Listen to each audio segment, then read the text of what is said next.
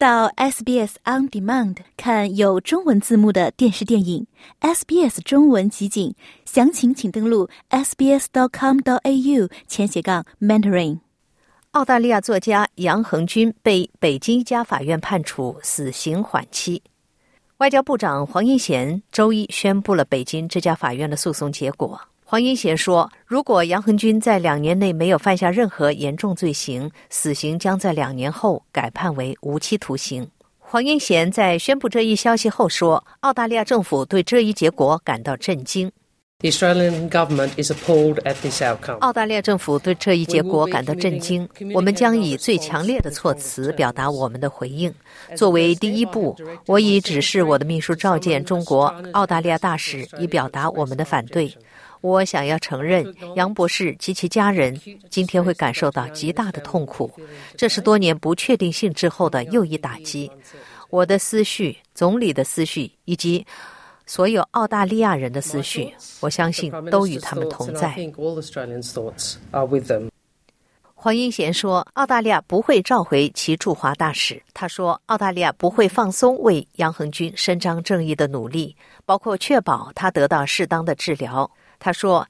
这个决定是在中国的法律体系内做出的，但显然这是一个我们不同意的场合。”他还表示：“我们无法对杨博士案件的具体细节发表评论。”我想指出的是，澳大利亚官员未能出席二零二一年对杨博士的审判。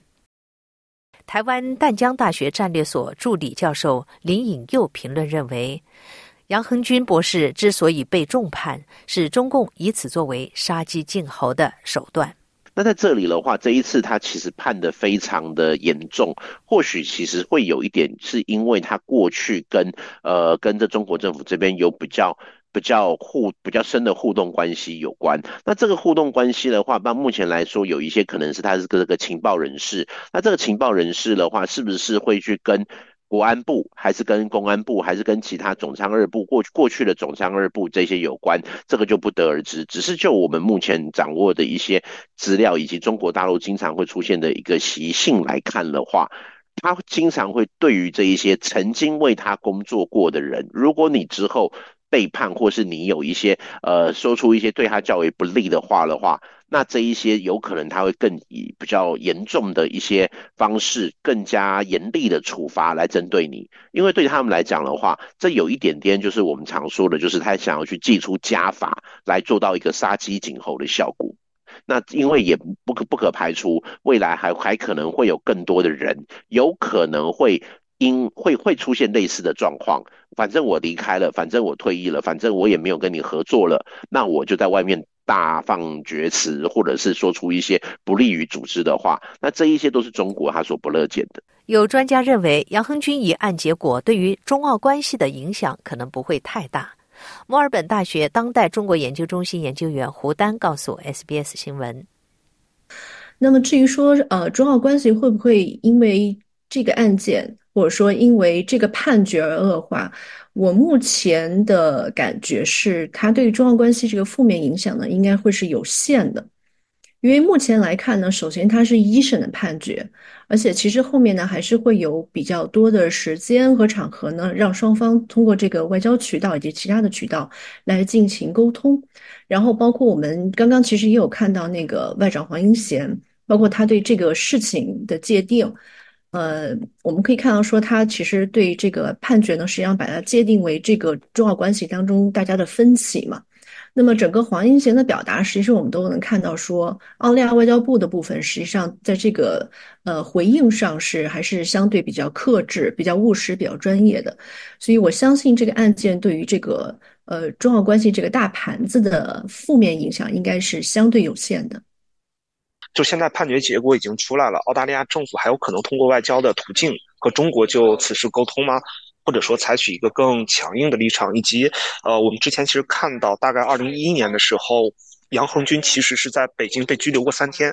这样的时间，但是当时的澳洲政府是有把他带回来了。但是为什么这次却不行？首先，这个外交途径永远是呃处理这一类案件。就就是在进行沟通和解决的时候，最好的途径，这个是这个是毋庸置疑的。那么，呃，我相信，因为实际上从这个工党政府上台以来，我们看到外交部包括外长，实际上在处理类似的问题上，包括在解决这个陈雷的问题、陈雷的释放的问题上，呃，应该还是非常的专业，而且非常的有技巧的。呃，其实更强硬的立场，我我觉得更好的一个表达，可能是说在这个议题上的坚持以及反复的要求。呃，强硬的立场有时候可能未必是在外交途径沟通当中一个最好的途径，但是我相信，如果说澳大利亚外交部这边如果有非常坚持的表达，包括在多次的这种双边高层或者是高级别的这种对话上，能够把这个议题提出来，然后双方一起来洽谈，看能不能有一个更合适或者说更利于双方这样一个解决方案，应该还是没有问题的。就是我相信，就是这个空间还是在的。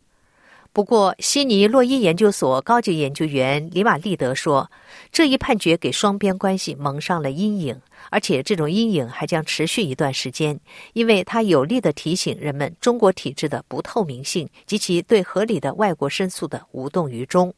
悉尼科技大学澳中关系研究所所长罗振说：“中国政府曾表示希望超越稳定与澳大利亚关系的阶段，但这一判决使两国关系解冻变得更加困难。”他说：“这一决定使得阿尔巴尼斯政府在处理国内政治方面变得极为困难。外交部长已经使用的强烈措辞表明了他们的失望。”亚洲人权观察负责人莱伊恩·皮尔森说：“这一判决令人愤慨。”他呼吁澳大利亚政府与其他也有公民被任意拘留的政府合作，包括加拿大、日本和美国。据了解，杨恒军的家人通过声明表示感到震惊和悲痛，并谴责这是一起严重不公的案件。杨恒军的家人敦促澳大利亚政府要努力通过外交斡旋，为杨恒军争取保外就医。